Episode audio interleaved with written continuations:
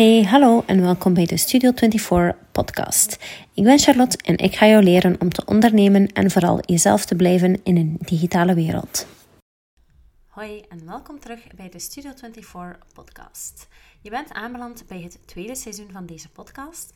Het eerste seizoen telt ook 15 afleveringen en kan je ook gewoon hier vinden uh, als je op Spotify luistert of Apple Podcasts of Google Podcasts. Ik weet niet waar je luistert, maar normaal gezien kan je hier dan ook gewoon de afleveringen van het eerste seizoen terugvinden.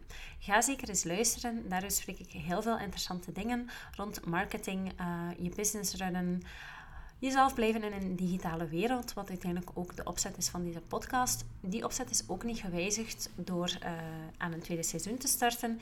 Die insteek blijft nog altijd hetzelfde. We gaan het nog altijd hebben over business, over ondernemen, over marketing, over jezelf zijn in een, in een digitale of misschien ook wel in een ideale wereld. Maar we gaan het iets minder uh, rigide aanpakken. Ik had het een beetje moeilijk om elke week nieuwe content te creëren ik had dat op zich wel kunnen doen, elke week een nieuwe podcastaflevering, maar dat ging een beetje ten koste gegaan zijn van de inhoud, van de content. En ik creëerde op den duur eigenlijk meer vanuit een uh, gevoel van moeten, omdat ik mezelf dat ritme van een wekelijkse podcast had opgelegd. En dat kan natuurlijk niet de bedoeling zijn. Eh, het moet nog altijd fijn zijn om content te creëren. Het moet ook nog altijd genoeg ruimte geven om in de diepte te gaan in die content. Dus het tweede seizoen is ehm, ja, volledig gericht op iets minder uh, moeten en iets meer mogen, iets meer kunnen. Daarom gaat er ook geen vaste structuur in uh, de nieuwe afleveringen zitten. Uh, ik zal je niet kunnen zeggen op welke dag dat er elke keer een nieuwe podcast komt. Ik ga daar voor mezelf ook geen structuur op leggen. Wat erg tegen mijn um, natuur is, of mijn uh, ja, default setting is structuur en veel verplichtingen aan mezelf opleggen en um, mezelf verplichten om elke week een podcastaflevering te produceren, want dat is wat de anderen ook doen, of dat is wat dat ik denk dat nodig is om mijn podcast te laten groeien. En als je de theorie bekijkt, zal dat waarschijnlijk ook wel zo zijn. Maar ik wil daar meer en meer van afstappen. Ik wil ook ondernemen vanuit mijn flow. En ja, die podcast is daar deel van. Die podcast is deel van mijn onderneming. Dus als ik dat nu heel rigide ga maken, als ik dat heel um, verplicht als een verplicht element ga laten aanvoelen voor mezelf, dan zitten we natuurlijk uh, af van dat uh, pad om meer in mijn flow te kunnen werken, leven, creëren. Dus ik kan je niet beloven wanneer de volgende aflevering komt. Um, maar ik ga me natuurlijk wel meer bezighouden met podcasting. Het zit weer op mijn agenda. Ik sta er weer voor open. Ik heb ook weer heel veel inspiratie om podcastafleveringen te maken. Dus als die inspiratie er is, als ik die voel, als ik daar zin in heb om iets te creëren, dan mag ik dat creëren, dan kan ik dat creëren, maar ik hoef dat dus eigenlijk niet per se te doen. Ik hoop dat je toch blijft luisteren zonder al te veel regelmaat. Ik hoop dat je ook geniet van deze aflevering. Als dat zo is, kan je me zeker een uh, review achterlaten bij uh, Apple Podcasts of Spotify of wherever you're listening. Een review helpt me enorm vooruit. Ook als je het deelt op sociale media, op Instagram bijvoorbeeld, in je stories en je tagt me daar even in. Dat is super fijn voor mij om te zien dat je luistert. Maar dus deze tweede, um, of het tweede seizoen van de podcast gaat dus veel meer vanuit mijn flow komen, vanuit het mogen, kunnen, willen en minder vanuit het moeten. Ik kan er dus geen vaste regelmaat op kleven. Ik kan je niet beloven wanneer die afleveringen komen, maar ik kan je wel beloven dat het altijd super waardevol gaat zijn, kwalitatief. Dat ik er mij ook ga in amuseren, um, dat ik daar alles kan inleggen in die afleveringen. Dus voor jou sowieso ook de moeite om te luisteren. Nu, de praktische kant heb je meegekregen van de podcast. Je weet wat je kan verwachten. Dus without further ado wil ik ook starten met deze aflevering. De eerste aflevering van het tweede seizoen. Ik heb heel veel te vertellen en vandaag gaan we het hebben over moeten. Moeten, kunnen, mogen, willen. Al die woorden. Heel belangrijk om het daar even over te hebben, omdat we in een structuur of in een maatschappij zitten, in een omgeving zitten waarvan um, moeten eigenlijk de default setting is. We moeten heel veel. Uh, we moeten dingen voor ons uh, gezin, voor onze familie, voor onze vrienden. We moeten voor onze job 735 dingen doen. Uh, als je ondernemer bent, moet je ook heel veel dingen doen. Lijkt je ook heel veel dingen te moeten doen door externe druk of druk die je zelf oplegt of die anderen jou opleggen. En daar wil ik het vandaag eens over hebben, want eigenlijk is dat een zeer um, problematische setting of een zeer vermoeiende setting. Als je altijd vanuit ehm, dat idee van moeten komt, als je denkt dat alles uh, wat dat je doet eigenlijk een verplichting is of het vervullen van een bepaalde verplichting, dat is eigenlijk heel vermoeiend en dat is heel um, lastig om daar op lange termijn op die manier te werken. Nu, loskomen van dat moeten, loskomen van dat idee van uh, verplichtingen, um, eisen, al dan niet door jezelf uh, opgelegd, dat is ook niet zo eenvoudig. Daarom wil ik ook um, in het tweede deel dan van de podcast drie tips meegeven, drie manieren om toch wel los te komen um, van dat moeten, van die verplichtingen. Maar vooraleer dat we daarbij komen, wil ik het eerst nog even hebben over dat moeten, um, over die verplichtingen, waar dat die van komen, hoe dat ik daar nu bij kom om daar een podcastaflevering over te maken. Ik zit zelf natuurlijk op sociale media. Ik ben uh, marketing- en business coach. Het is voor mij uh, heel moeilijk om niet op sociale media aanwezig te zijn. Ik geniet daar ook van. Ik hou van uh, sociale media voor de connectie dat het kan bezorgen. Voor um, de nieuwe klanten, ideale klanten, dat je daardoor kan aantrekken die anders zonder sociale media misschien heel moeilijk zou vinden. Of dat lijkt mij uh, toch zo. Ik ben natuurlijk ook wel een beetje opgegroeid met internet, de ontwikkeling daarvan dan sociale media. Dus voor mij lijkt een andere wereld misschien iets minder uh, voor te stellen. Mensen die iets ouder zijn dan mij zullen dat misschien wel weten. Maar in C is sociale media, vooral Instagram dan bij mij echt wel een top uh, platform om die connectie te leggen. Ik heb daar al super leuke mensen door leren kennen. Super toffe klanten um, gekregen via Instagram, via wat ik doe op Instagram ook Facebook en LinkedIn, maar in mindere mate. Dus ik vind op zich um, ja, sociale media een enorm positief gegeven. Maar dat is wel niet altijd zo. Er is daar ook wel ergens een keerzijde aan. En dan kom je eigenlijk een beetje bij de keerzijde van druk, uh, van jezelf veel te vergelijken, van um, normen die zeg maar, worden opgelegd door alles wat je ziet op sociale media. Dingen dat je gaat moeten doen om mee te kunnen, om er ook bij te horen, om het tussen aanhalingstekens goed te doen. Goed is een enorm relatief begrip dat we toch heel vaak gaan gebruiken om onszelf normen en vaak onhaalbare normen op te leggen. Ja, maar ik wil het goed doen, dus ik moet X, Y en Z doen. Ik wil um, goed doen voor het algoritme op Instagram, dus ik moet zeven reels per uh, week maken. En drie, uh, drie IGTV's. En uh, ook nog dagelijks een feed post. En ook nog elke dag mijn gezicht laten zien op stories. Zelfs als ik me niet goed voel, dan moet ik dat toch doen. Want ik moet toch goed doen voor het algoritme. Goed is dus heel relatief en komt eigenlijk heel vaak um, samen met iets moeten doen om dus goed te kunnen zijn of goed te kunnen doen. En daar schuilt ergens een beetje het probleem of het problematische kantje van social media. Social media as such is voor mij niet problematisch. Ik vind niet dat dat medium as such erop uit is om ons um, druk op te leggen of om ons het leven lastig te maken, zeg maar.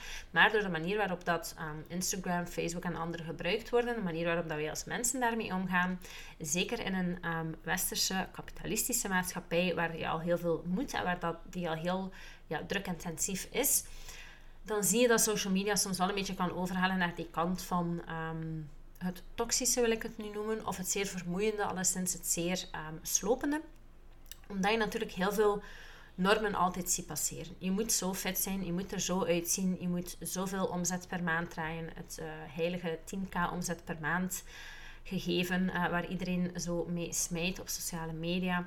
Of je moet zoveel klanten hebben, of je moet uh, zoveel stories per dag maken, of je moet zo hard op video inzetten, enzovoort. Dat zijn allemaal dingen die misschien niet op die manier gezegd worden van je moet X of Y doen. Maar door dat altijd maar te zien en door dat altijd maar in je omgeving te hebben, wordt dat een manier van moeten of wordt dat een soort van norm die eigenlijk gaat gaan spelen in jouw leven, privé of als ondernemer, waardoor dat je inherent toch uh, gaat denken dat je daar moet aan voldoen of toch in zekere mate. Niet iedereen zal dat herkennen. Sommige mensen staan daar los van, kunnen dat echt volledig loskoppelen. Maar ik weet dat het gros van de mensen, um, van mijn klanten, van mijn volgers, van uh, mijn omgeving, ikzelf ook, daar toch wel een uh, vorm van druk van ervaart. En dat toch echt wel laat, um, soms laat bepalen, of zou kunnen laten bepalen, wat we wel of niet doen. Er zijn gelukkig wel manieren om daarvan uh, los te komen. Nu, social media is één iets. Uh, er zijn natuurlijk nog heel veel andere elementen die ons druk opleggen. Je werkt misschien in een um, bedrijf of een corporate omgeving waarbij dat je ook heel wat dingen moet. Je moet misschien bepaalde cijfers halen, bepaalde targets halen, bepaald aantal projecten binnentrekken, um, een bepaald aantal uur per dag werken ehm, om productief te lijken, om het goed te doen, om erbij te horen, I don't know. Maar het kan even een goede privéomgeving zijn. Um, je ouders die zeggen dat je van alles moet. Of um, familie of vrienden die vinden dat je niet voldoet aan een norm die zij jou hebben opgelegd. Dat je het niet goed doet in hun ogen. Je kan op dat moment zelf misschien wel denken van... Ja, ik trek mij daar niet aan. Ik luister daar niet naar. Um, ik bepaal mijn eigen weg. Als dat ook zo blijft, als dat kan ook volhouden in je gedachten, is dat top. Maar voor veel mensen is dat toch niet zo gemakkelijk om dat los te laten. Kan je wel zeggen van oké, ik trek het mij niet aan, maar dan speelt dat toch zo ergens een beetje in je achterhoofd, ben je daar toch nog mee bezig.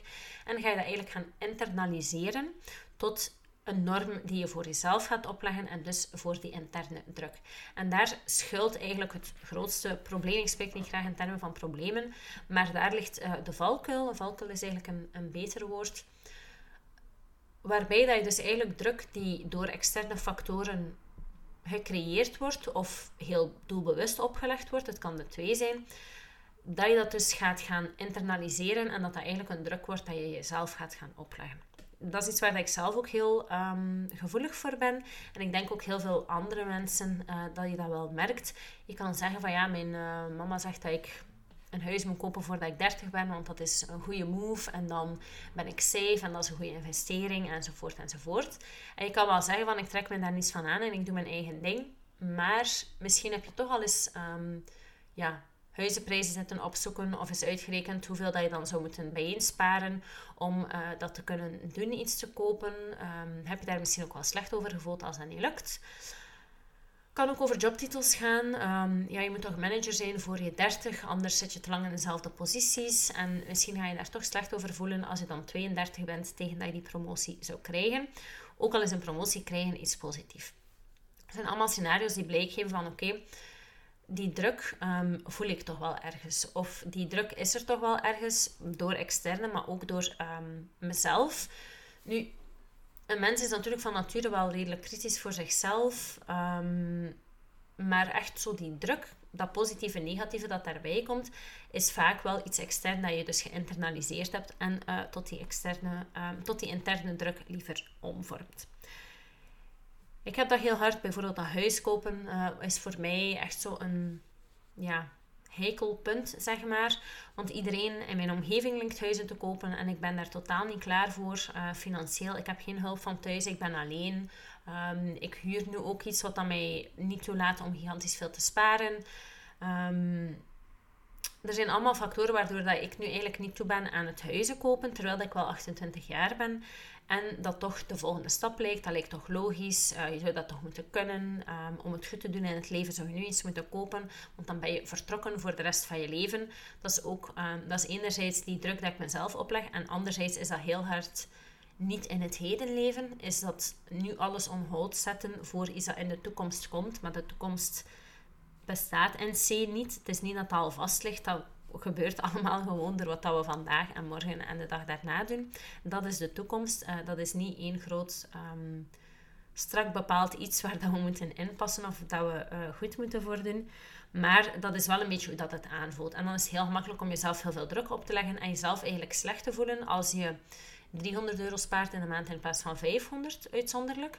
Maar je hebt nog altijd 300 euro gespaard. Dus dan zorgt die interne druk of geïnternaliseerde druk er eigenlijk voor dat positieve dingen toch een zure nasmaak krijgen. Of een bittere nasmaak is het waarschijnlijk dat ik moet zeggen. Omdat je dan natuurlijk niet op een positieve manier liever kan framen. Net omdat je met die geïnternaliseerde druk zit. Die het dan allemaal een kwestie van moeten um, en normen maakt. Waardoor dat ook positieve dingen eigenlijk die niet aan die norm voldoen. Toch als negatief bekeken worden. En dan wordt het dus eigenlijk heel vermoeiend. Hetzelfde met sociale media. Om daar nu eventjes naar terug te keren als je drie keer per week post en dat zijn echt goede posts en dat is goede content, dan kan je zeggen, ja, ik heb niet voldaan aan de normen om eigenlijk optimaal op het algoritme in te spelen. Dat is waar. Je hebt geen zeven reels per week gemaakt, je hebt niet elke dag een feedpost gedaan, maar je hebt wel die drie posts geplaatst. Je hebt wel misschien twee keer um, die week je comfortzone verlaten om toch uh, video stories te maken eigenlijk is dat super positief. Je voldoet gewoon niet aan die norm die externer ligt of dat je dan geïnternaliseerd hebt voor jezelf. En dat is eigenlijk wel jammer. Want het feit dat jij je al kan uh, motiveren om drie keer per week een Instagram-post te maken, als dat voor jou eigenlijk echt een opgave is, is eigenlijk iets super positief. En zorgt er eigenlijk voor dat je dat hebt willen doen, dat je hebt, dat hebt kunnen doen. Je bent erin geslaagd om dat te doen. Maar je hebt niet gedaan wat je tussen aanhalingstekens moet doen, waardoor dat dan, dan toch een negatieve bijklank krijgt. En ik zou je dus wel een oproepen, deels een oproep naar mezelf, maar deels ook een oproep naar jou, om dat los te laten, om ehm, dat niet te doen. Nu, dat is natuurlijk wel gemakkelijker gezegd dan gedaan. Dat is alsof dat iemand zich heel veel zorgen maakt en denk, dat jij zegt van, of dat ik jou zeg van, ah, maar maak je gewoon geen zorgen of alles komt goed, of probeer er gewoon niet aan te denken, of ga eens gaan wandelen, dan zal je jezelf wel beter voelen. Zo werkt het natuurlijk niet. Het is niet omdat ik zeg dat jij dat niet mag voelen, of dat dat onterecht is liever, dat je dat niet meer gaat voelen. Ik wil net erkennen dat je dat voelt. Ik wil je ook vertellen dat je niet alleen bent. Dat ik dat ook voel, dat heel veel andere mensen dat ook voelen. Ehm, die druk van extern, ook van intern, ehm, om dingen te moeten, om dingen goed te doen, om ehm, aan een bepaalde norm te voldoen. En ik wil je eigenlijk vooral uh, ondersteunen daarin. Ik wil je ook vooral aangeven dat dat heel normaal is, dat dat heel menselijk is, die zelfkritiek. En ik wil je ook een paar oplossingen aanreiken om dat weg te werken. Ik wil niet zeggen oplossen. Um, druk voelen is iets dat levenslang is. Ik denk niet dat je ooit geen druk kan voelen. Um, ofwel ben ik daarin uh, ook nog te pessimistisch, dat weet ik niet. Maar ik denk dat er altijd wel momenten komen waarop dat je druk voelt. Waarop dat je op een of andere manier toch het gevoel hebt dat je iets moet doen. Uh, dat je uit die flow zit. Um, dat er wat dingen haperen. Dat je extern druk voelt. Dat je intern druk voelt. Enzovoort. Die momenten gaan blijven bestaan. Maar ik wil je vooral de tools aanreiken om dat aan te pakken en te kaderen en voor een groot stuk los te laten. Nu, ik heb daar drie grote dingen voor ehm, verzameld of op een rij gezet, die ik denk die je wel kunnen helpen en die mij ook al enorm geholpen hebben om ehm, dat gevoel van die druk en van dat moeten eigenlijk een beetje los te laten. Nu, het eerste is journal on it. Dat is mijn eerste tip um, om te journalen over de druk die je voelt het gevoel van moeten dat je voelt. Nu, journalen, journalen liever, wat bedoel ik daarmee? Je kan daar... Ehm, je kan daar eigen ding van maken. Ik ben bijvoorbeeld iemand die journalt en die altijd de datum mooi ehm, in dezelfde stijl tekent in de linkerbovenhoek en dan uh, nummer 1 tot 10 opschrijft en dan 10 emoties of gedachten neerpent van die dag. Ik doe dat elke morgen, dat is deel van mijn ochtendroutine. Ik heb daar een apart boekje voor. Voor mij is het allemaal heel netjes, omdat ik zo ben en omdat ik daar gewoon blij van word als alles netjes staat. Journalen kan ook ehm, op een kladpapier gewoon echt al je gedachten neerschrijven uh, zonder leestekens, zonder structuur, zonder iets. Journalen kan eigenlijk ook zijn dat je gewoon tegen de spiegel, tegen jezelf, um, heel bewust is je gedachten gaat uitspreken. Dat kan ook um, helemaal uitgetekend zijn. Misschien wil je dat wel illustreren. Misschien wil je daar wel iets mega crazy van maken elke dag hoe dat je dat doet, de uitvoerende kant is eigenlijk niet van belang. Het belang is natuurlijk dat je gaat uitspreken of uitschrijven, benoemen wat dat je voelt van druk. Ik heb hier een paar voorbeelden aangegeven van druk, maar er zijn er natuurlijk nog heel veel. Ik zeg dat mijn mama spreekt over een uh, huis kopen bijvoorbeeld. Maar misschien is dat bij jou je grootouders, of is dat je vader, of is dat misschien je zus, die dan ook heel ver staat daarin en dat jij als het ware die kan volgen. Of dat kunnen zoveel vormen zijn van druk. En daarom wil ik dat je dat ook opschrijft, dat je dat probeert te benoemen, omdat door het specifiek te maken, kan je er ook echt iets gaan aan doen. Als je zegt van ik voel druk en ik voel dat ik van alles moet en ik kan daar niet mee om, dat is eigenlijk nog heel vaag. En dan is het ook heel moeilijk om daar een... Um, ja, om daarmee om te gaan. Als je dat heel specifiek benoemt van ik voel die druk zo en ik denk dat dat komt door X, Y en Z, dan ga je ook weten van oké, wat zijn de triggers die die druk opleggen kan grotendeels jezelf zijn, maar misschien zijn dat ook externe factoren. En dan kun je eigenlijk naar het tweede punt komen om die triggers ook te gaan uh, wegnemen of zoveel mogelijk te vermijden. Dus het nut van dat journalen is om echt gewoon je bewust te worden van die druk en zeker van waar dat die druk komt, dat is iets wat we heel uh, vaak gaan skippen. We hebben bepaalde emoties en we voelen die emoties, maar we gaan eigenlijk niet echt gaan kijken waar dat die van komen, wat dat de oorzaak daarvan is, welke situaties dat die opwekken, hoe dat ik me daarbij voel, um, wat dat voor impact heeft ook op de rest van mijn uh, leven, privé of professioneel. En dat zijn dingen dat je in een uh, journaling of een schrijfsessie, hoe dat je dat wilt noemen, wel kan gaan um, benoemen, gaan neerschrijven. In het begin kan dat zijn dat dat wat onwennig aanvoelt als je nog nooit met journaling of met zo'n gedachten neerpennen um, in aanraking bent gekomen. Dat is ook een proces, je moet daar een beetje aan wennen, je moet dat wel leren. Um, ik doe dat nu, ik denk ongeveer een jaar elke dag minstens uh, één keer, zeker morgens. En dat heeft voor mij een enorme impact gehad. Dat gaat enerzijds over journaling, over de druk die ik voel en de struggles waar dat ik mee zit op dat moment. Maar zeker ook uh, positieve affirmaties, manifestaties uh, dat ik uitschrijf. Bij mij is dat een heel proces, dat journaling. Dat hoeft daarom niet zo uitgebreid te zijn, maar door dat dagdagelijks te doen, creëer je ook echt die routine en herprogrammeer je eigenlijk ook je gedachten om meer daar rond te denken. Dan gaan je gedachten eigenlijk vanaf dat je dat boekje open doet of vanaf dat je op die plaats zet waar je normaal gezien die journaling doet, gaat je brein eigenlijk al beginnen denken aan oké, welke emoties voel ik hier, waar voel ik die druk waar dat ik wil doorwerken, wat kan ik nu identificeren van problematische um, gevoelens of, of redeneringen of denkmechanismen waar dat ik van af wil, die te maken hebben met dat druk en dat moeten. Je brein wordt dat eigenlijk gewend om daar elke dag aan te denken, waardoor dat ook steeds gemakkelijker gaat. Hetzelfde met positieve manifestaties bijvoorbeeld. Niet echt het topic van, um, van dit punt, maar ook daar, als ik elke dag vijf positieve uh, dingen van mezelf opschrijf en vijf positieve affirmaties over het leven wil opschrijven, als ik dat boekje open doe, dan komen die eigenlijk automatisch to mind bij mij. Ik moet daar automatisch aan denken. Nu, in het begin vond ik dat moeilijk, moest ik daar echt over nadenken, maar dat verandert natuurlijk wel um, als je langer bezig bent, als je dat vaker doet, als je daar ook echt een routine van maakt. Dus dat zou mijn eerste tip zijn voor jou om te journalen, om in de eerste plaats te identificeren wat voor gevoelens van druk en moeten dat je uh, ervaart. Anders kunnen we eigenlijk ook niet verder. Nu, ik zei het al, de tweede stap is eigenlijk om de triggers van die druk te gaan beperken. Op social media kan dat het uh, muten zijn van een bepaald account, van stories ontvolgen zelfs, misschien zelfs blokkeren, moest die trigger echt zo uh, dramatisch zijn. Um, dat kan het um, verwijderen zijn van een account op een bepaald social medium, als dat uh, jou helpt. Dat kan um, schermtijdbeperking opleggen zijn. Dat kan uh, je e-mails maar op vaste momenten lezen als dat jou triggert. Dat kan uh, je tv buiten zetten zijn als je heel hard getriggerd wordt door het nieuws en andere programma's waarin ja, slecht nieuws of, of dingen aangekondigd worden waarvan dat jij denkt van oh, dat ligt bij mij druk. Of een gevoel van moeten, dat ik mee moet, dat ik iets moet doen.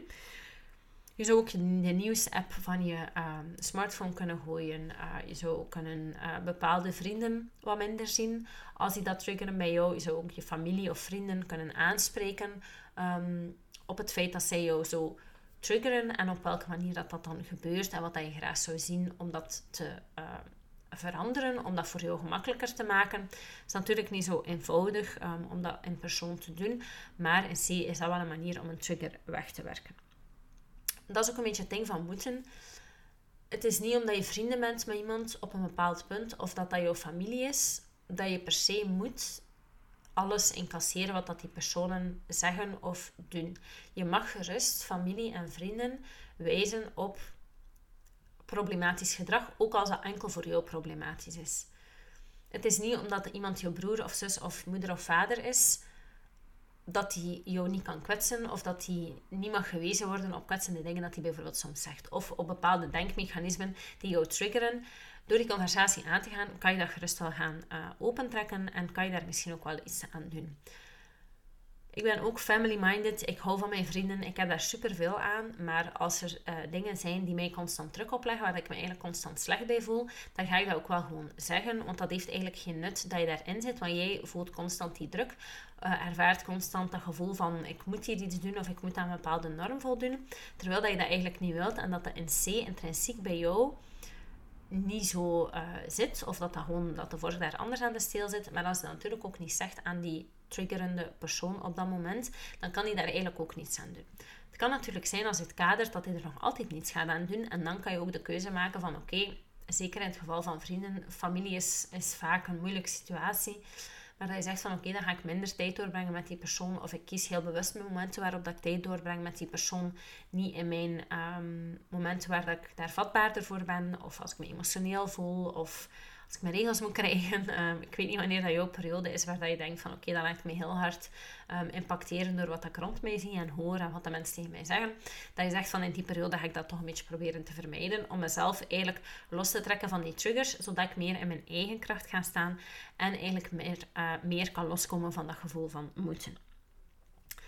En dat brengt me ook bij mijn derde punt, um, in je kracht staan en focussen op wat dat jij wil een gevoel van moeten. Ehm, als iemand anders zegt van je moet dit doen, als jij zelf heel hard overtuigd bent van maar ik wil dit, dus ik ga dat niet doen, is dat veel eenvoudiger dan als je zelf niet echt weet wat dat jouw doel is, waar dat je naartoe wilt, hoe dat je je leven wilt leiden, wat dat je wilt bereiken in je leven, is het moeilijk om externe druk af te blokken, omdat er eigenlijk veel ruimte is om ingenomen te worden. Als jouw visie glashelder op papier staat of in je hoofd zit of op een groot uh, spandoek boven je bed hangt, dan is het heel eenvoudig, of is het veel eenvoudiger om daarnaar terug te grijpen en in je kracht te staan en dat vast te houden. En dus nee te zeggen tegen dingen die jou een gevoel van moeten geven of een bepaalde ehm, druk opleggen. Want je weet, dat is niet wat ik wil. Dat past niet in die visie dat ik heb. Dat past niet in mijn einddoel. Dus ik ga daar ook mij niet voor openstellen en ik ga daar niet aan meedoen, want dat past niet in wat ik wil. En dat is een beetje het ding ehm, met moeten en normen en druk. Je moet zelf een beetje dat tegengewicht bieden om daar uh, resistent tegen te worden, of de resistenter, want je kan nooit helemaal vrij zijn van druk of het gevoel van moeten. Maar als jouw visie al heel duidelijk op papier staat in je hoofd zit, je bent daar rotsvast van overtuigd, je bent inherent fan van jezelf en wat dat je wilt doen, van jouw visie, van waar je naartoe wilt, dan is het een stuk eenvoudiger om terug te duwen tegen externe druk, maar ook tegen geïnternaliseerde druk. Als je heel duidelijk op papier hebt waar je naartoe wilt, um, wat dat voor jou belangrijk is, wat dat voor jou minder belangrijk is, en dan um, krijg je zo'n trigger die binnenkomt. De volgende dag dat je journalt, kan je zeggen, oké, hier voel ik dat dat niet strookt met mijn visie. Dan kan je dat identificeren, omdat je weet wat dat er positief is. En dan kan je ook de negativiteit er rond identificeren en zien waar dat die grens ligt. Vervolgens kan je dan gaan kijken waar dat die negativiteit of dat die druk en zo van, vandaan komt. En die trigger kan je dan eigenlijk gaan uitschakelen, dimmen, muten, hoe dan ook dat je dat wilt aanpakken. En zo kom je eigenlijk altijd in een proces dat je steeds dichter bij jezelf brengt, steeds dichter bij je missie, bij je plan uh, voor het leven, voor jouw mooiste leven ook. Um, je bent hier niet gewoon om te leven, je bent hier niet gewoon om te overleven. Ehm, je wilt natuurlijk ook wel thriven, je wilt ook wel shinen in wat dat je doet. Um, privé, professioneel, en alles wat dat je doet, wil je wel je beste leven leiden. Daarmee ik niet dat alles altijd roze geur en maneschijn is, maar de, in the grand scheme of things wil je gelukkig zijn en wil je um, doen waar je goed in bent, doen wat dat je leuk vindt, je amuseren, ook al doe je eens lastige dingen. Dat is uiteindelijk waar dat we naartoe willen. En daarvoor moet je die druk en dat gevoel van moeten, die normen enzovoort loslaten. Anders kan je daar nooit toe komen, omdat er zoveel van jouw energie en van jouw ruimte en van jouw beschikbare tijd op een dag eigenlijk ingenomen wordt door externe normen of geïnternaliseerde druk, die jou eigenlijk gaat forceren om dingen te doen waar dat je in de core, in the essence of you, niet wilt mee bezighouden. En dat is het. Je moet dat eigenlijk een beetje zien als dat is een emmer die gevuld kan worden met water. En als je al 90% van dat water van een externe bron laat komen, dan kan je daar zelf niet heel veel water meer aan toevoegen. Dan heb je maar 10% niet meer over. Als je de stopper opsteekt op de emmer en enkel jouw toevoer staat open, dan is misschien 90% of 95% van die emmer gevuld met jouw water, met jouw energie, met jouw kracht. Een beetje druk, een beetje norm zal er daar altijd in zitten. Om volledig vrij van druk te zijn, van interne kritiek, externe kritiek, externe triggers, in mijn hoofd lijkt dat idealistisch om dat te willen, omdat dat ook een gigantische stap is. En ook gewoon omdat ik denk dat dat niet mogelijk is. Maar zeker ook omdat dat een enorme stap is. Als je het gevoel hebt dat je nu heel hard nog druk ervaart, um, intern extern, droom dan niet van um, binnen de week helemaal vrij te zijn van enige um, vergelijkingsdrang of negativiteit. Want dan leg je jezelf ook weer al een onrealistisch doel op, waardoor dan dat je misschien een beetje gaat evolueren in de goede richting voor jou dan, maar dat toch als negatief gaat ervaren, omdat je natuurlijk niet alles in één keer bereikt hebt. Dus geef jezelf daar ook in wel tijd en besef ook dat je nooit helemaal vrij kan zijn van kritiek en druk. Dat gaat ook met hoogtes en laagtes, afhankelijk van de periode. In de zomer ben je misschien meer um, je m'en fous en I don't care dan in de winter. Als je thuis zit, dat je sowieso al wat slechter voelt. En je kan misschien niet gaan sporten, waardoor dat je weer slechter voelt enzovoort. Je zit veel binnen, je ziet geen zon enzovoort dat gaat altijd met hoogtes en laagtes zijn. Je kan nooit altijd even gelukkig zijn. Je wilt ook niet altijd stabiel zijn. Ehm, de laagtes zorgen er ook voor dat de hoogtes hoger lijken. Dus dat is normaal dat er met ups en downs is. Wees er ook realistisch in um, dat dat blijft. Dan ga je ook veel minder ontgoocheld zijn. Maar je kan er wel heel hard naartoe werken om dat in grote mate los te laten. En doordat je dat loslaat, doordat je meer nee dan ja zegt, doordat je meer grenzen stelt dan grenzen afbreekt of openzet, ga je eigenlijk meer en meer plaats creëren voor je eigen kracht, voor je eigen energie, voor wat dat jij wil doen. En ga je veel meer kunnen uh, loskomen van dat moeten, van die druk, ehm, van die interne eisen uh, die je jezelf stelt. Door te journalen, door die triggers uit te schakelen en door echt te focussen op wat dat jij wil. Dat is de podcastaflevering voor vandaag. Dit is ehm, de eerste aflevering van het tweede seizoen. Ik ben een beetje in rant-modus gegaan. Ehm, sorry als het op bepaalde momenten wat snel ging, als ik uh, weer helemaal op dreef was. Ik heb hier ehm, ook een paar pieken in het geluid, zie ik. Dus ik heb waarschijnlijk af en toe eens de, de hoogte ingeschoten. Dat is zo als ik heel overtuigd ben van iets, als ik echt in mijn flow zit, als ik iets wil creëren, als ik iets wil vertellen, dan kan ik dat heel uitbundig doen, dan kan ik dat heel gepassioneerd doen. En ik ben eigenlijk ook wel blij dat die pieken erin zitten, dat het ook weer allemaal niet perfect is, want dat moet ook helemaal niet. Ik heb ook losgelaten dat elke podcastaflevering perfect moet zijn. Ik heb losgelaten dat elke week een podcastaflevering de enige manier is om een podcast te hebben. Ik heb losgelaten dat jij um, zou stoppen met luisteren omdat ik eens zeg, omdat ik eens struikel, omdat het eens niet perfect is. Ik heb dat aanvaard dat dat zo is en dat je me nog altijd leuk gaat vinden. Ehm, ook al zeg ik eens uit, zoals ik net deed. Ook al ehm, heb ik even pauze nodig, heb ik hier en daar een piek. dat je zegt van, nu praat ze wel heel luid. Dat kan allemaal, want je hebt mij gehoord, je hebt mijn oprechte zelf gehoord. Ik heb mijn struggles met jou gedeeld. Ik ben eerlijk geweest. Ik heb je ook wat tips gegeven om er zelf mee aan de slag te gaan. Ik hoop dat je er iets aan gehad hebt, dat het op zijn minst inspirerend was en misschien ook wel transformerend, dat je het kan gebruiken om je eigen visie op jezelf, je missie, de externe wereld wat kan bijsturen, wat kan aanpassen zodat jij er beter van wordt. Je hoeft dat niet te doen omdat ik dat zeg. Ik wil dat je dat doet omdat je zelf um, die verandering wil zien, wil loskomen van die druk, van die externe normen, van dat gevoel van moeten. Want in C moet je juist niks.